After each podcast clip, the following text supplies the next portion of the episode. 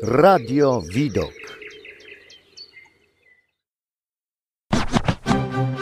Sztuka i kultura. Powidoki sztuki.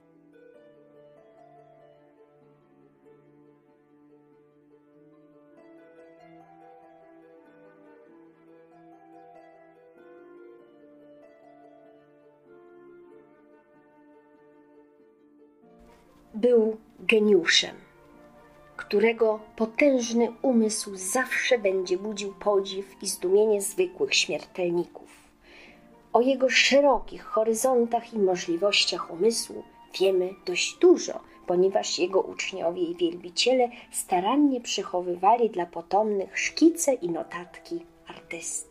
Tysiące stron pokrytych tekstem i rysunkami, z fragmentami książek przez niego przeczytanych oraz projektami tych, które zamierzał napisać. Im bardziej zagłębimy się w lekturze tych tekstów, tym mniej zrozumiemy, jak jeden człowiek był w stanie osiągnąć doskonałość w tak różnych dziedzinach wiedzy, wnosząc ważne odkrycia do niemal każdej z nich. Być może jednym z powodów jest fakt, że Leonardo był z wykształcenia artystą, a nie uczonym. Słowa te przeczytać można w słynnej książce o sztuce Ersta Gombrisia, którą oczywiście serdecznie polecam, jak niemalże wszystkie książki o sztuce.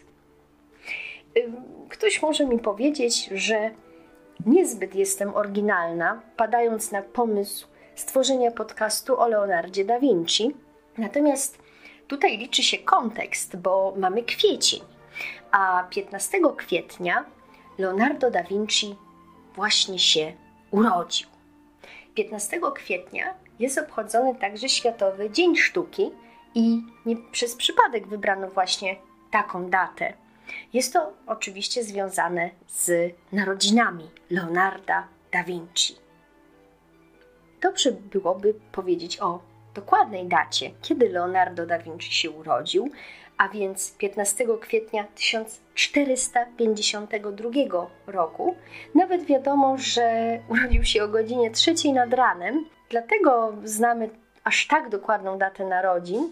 Dziadek artysty w rodzinnym pamiętniku e, właśnie te informacje zapisał. Oczywiście podcast nie służy temu, aby opowiadać o najsłynniejszych dziełach Leonarda.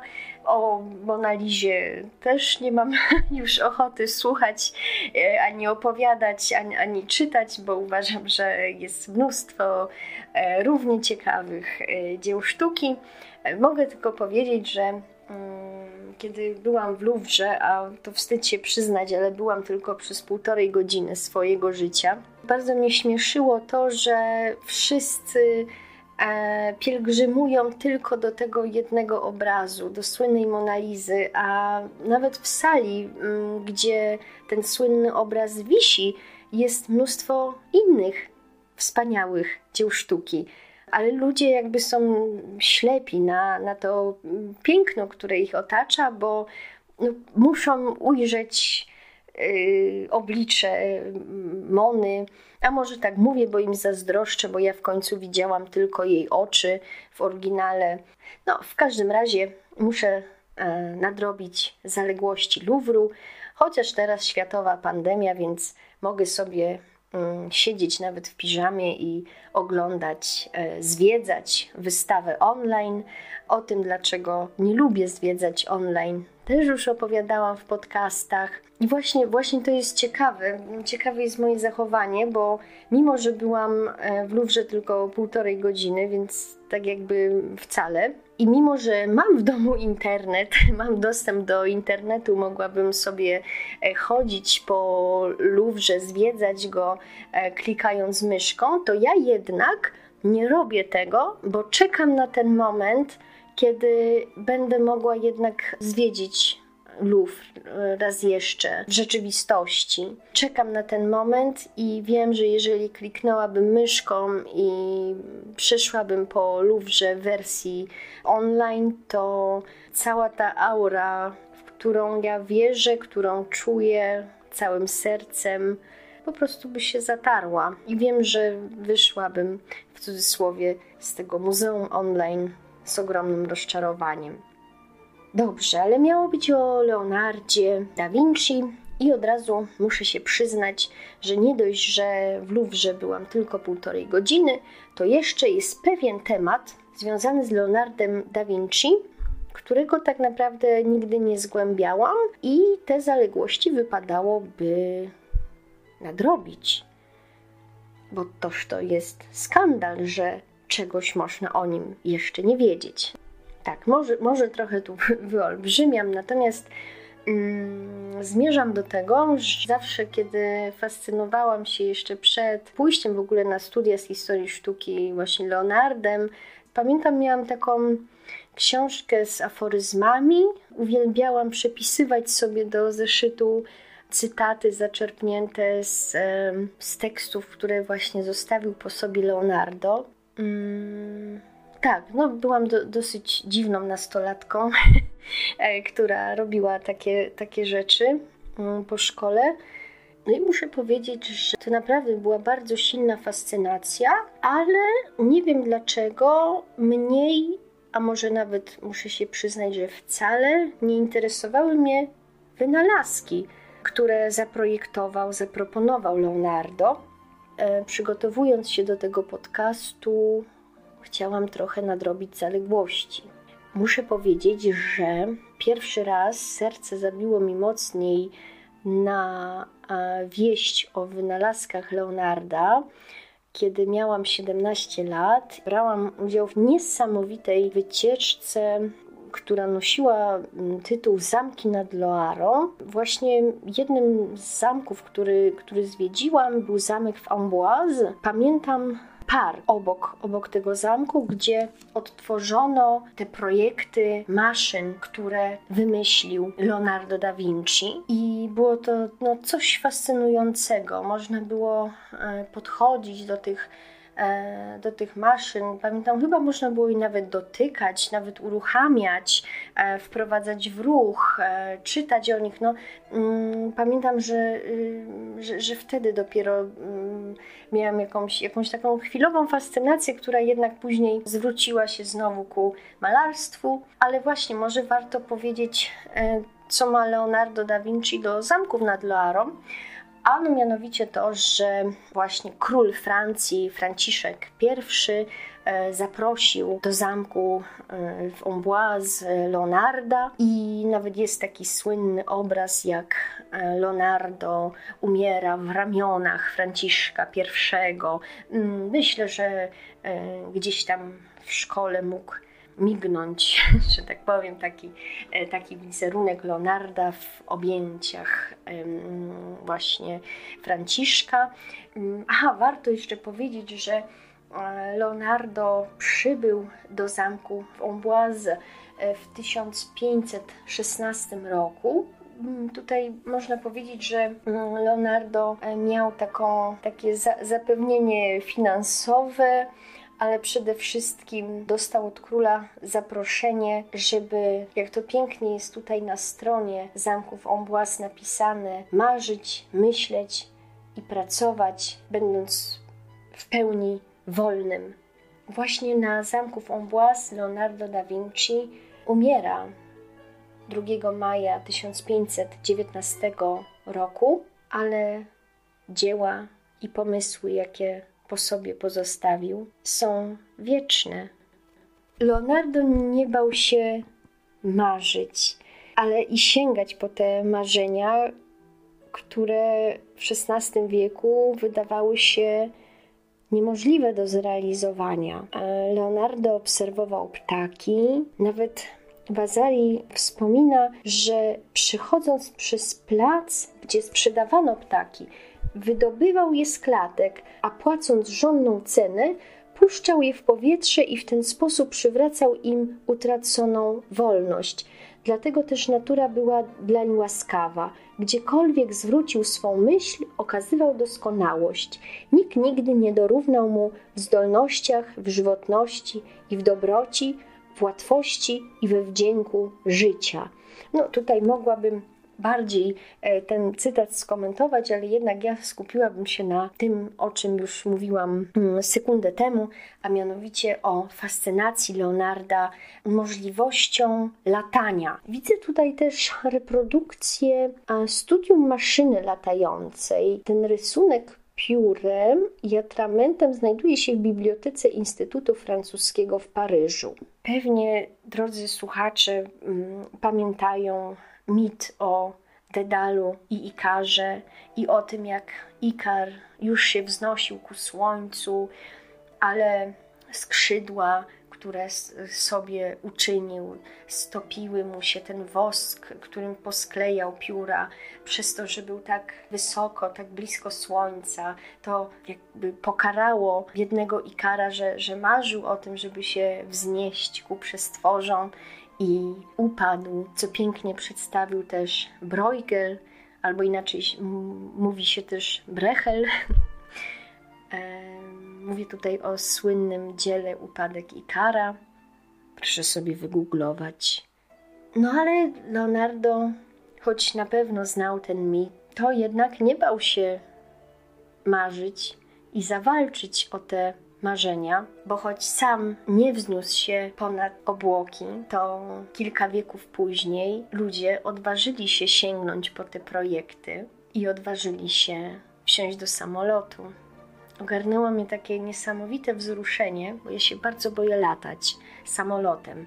Nie cierpię tego robić, ale kiedy były turbulencje, to ja tak zamknęłam oczy i, i tak, tak sobie myślałam, że Leonardzie, jak ja Ci dziękuję, że pozwoliłeś, że, że sprawiłeś, że ja mogę latać. I zawsze, za, naprawdę, to jest świetny sposób. Jeżeli y, ktoś, kto bardzo boi się latać, słucha mnie teraz, to naprawdę polecam w czasie turbulencji, w, w czasie jakiegoś strachu w samolocie zamknąć oczy i poczuć taką wdzięczność do Leonarda da Vinci, że, mm, że zamykacie sobie oczy za, nie wiem, za dwie godziny będziecie w jakimś zupełnie innym miejscu. Jest to, jest to zupełnie niesamowite.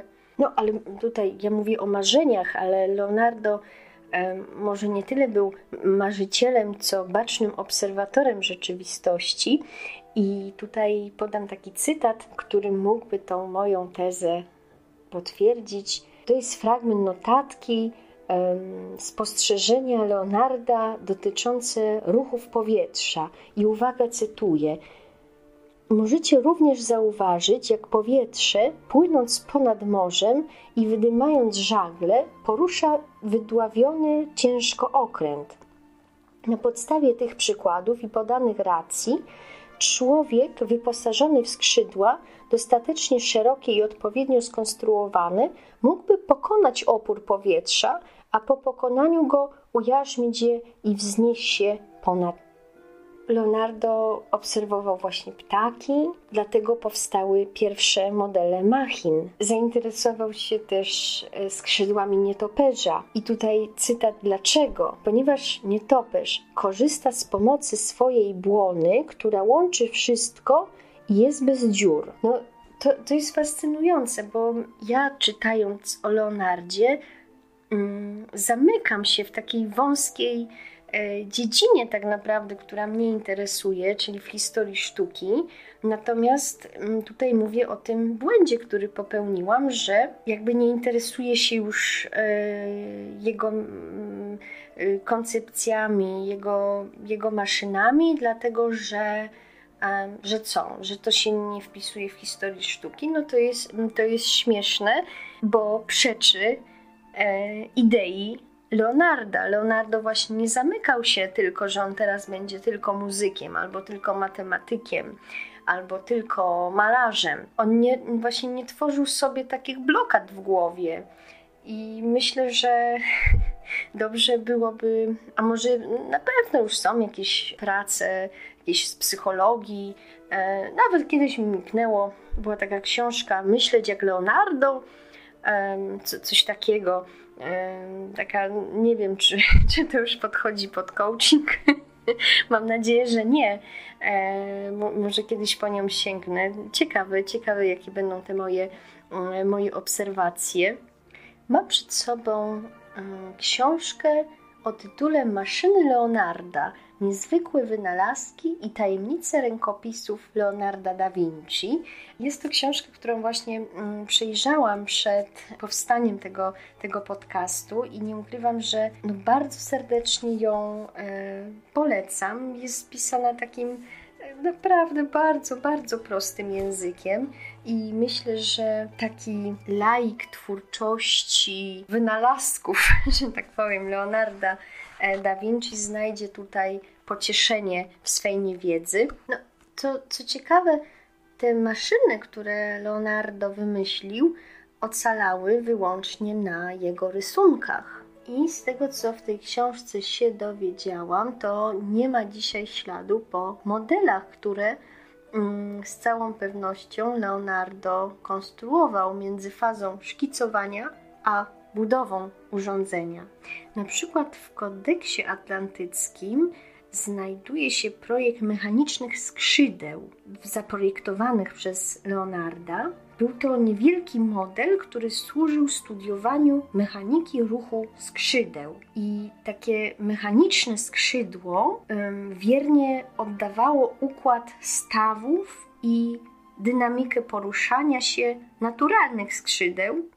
Widzę w tej książce, że Leonardo stworzył wiele projektów maszyn wodnych, maszyn roboczych, nawet wow, żuraw do kopania kanałów, maszyny teatralne, scenografię do Orfeusza, lirę w kształcie czaszki. Wow, tego nie wiedziałam.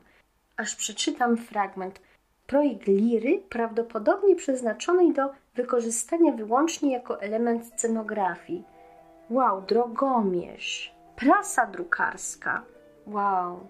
Jak pracował nad kartą kodeksu atlantyckiego, miał około 30 lat i przebywał w mojej ukochanej Florencji, albo już Mediolanie, do którego przeniósł się w 1482 roku.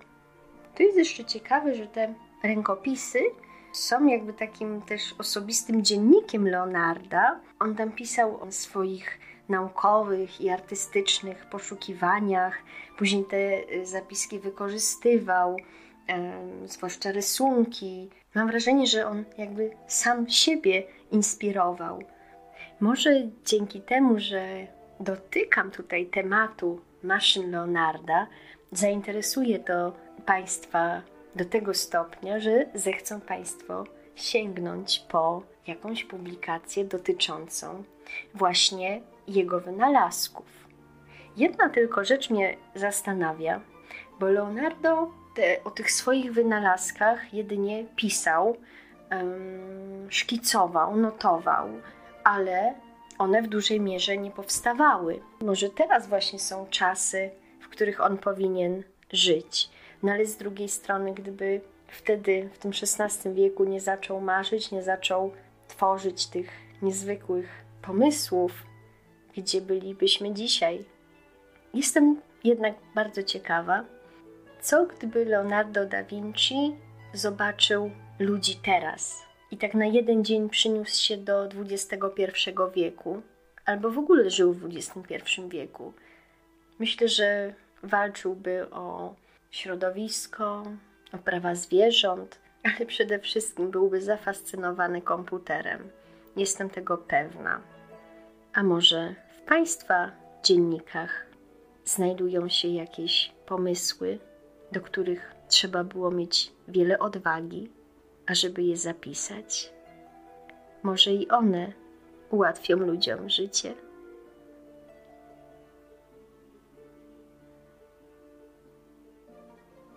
Dla Radia Widok mówiła Alicja Francikowska.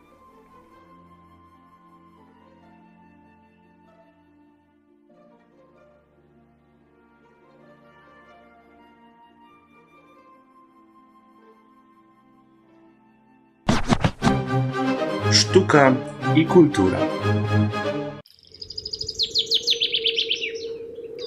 Radio Widok.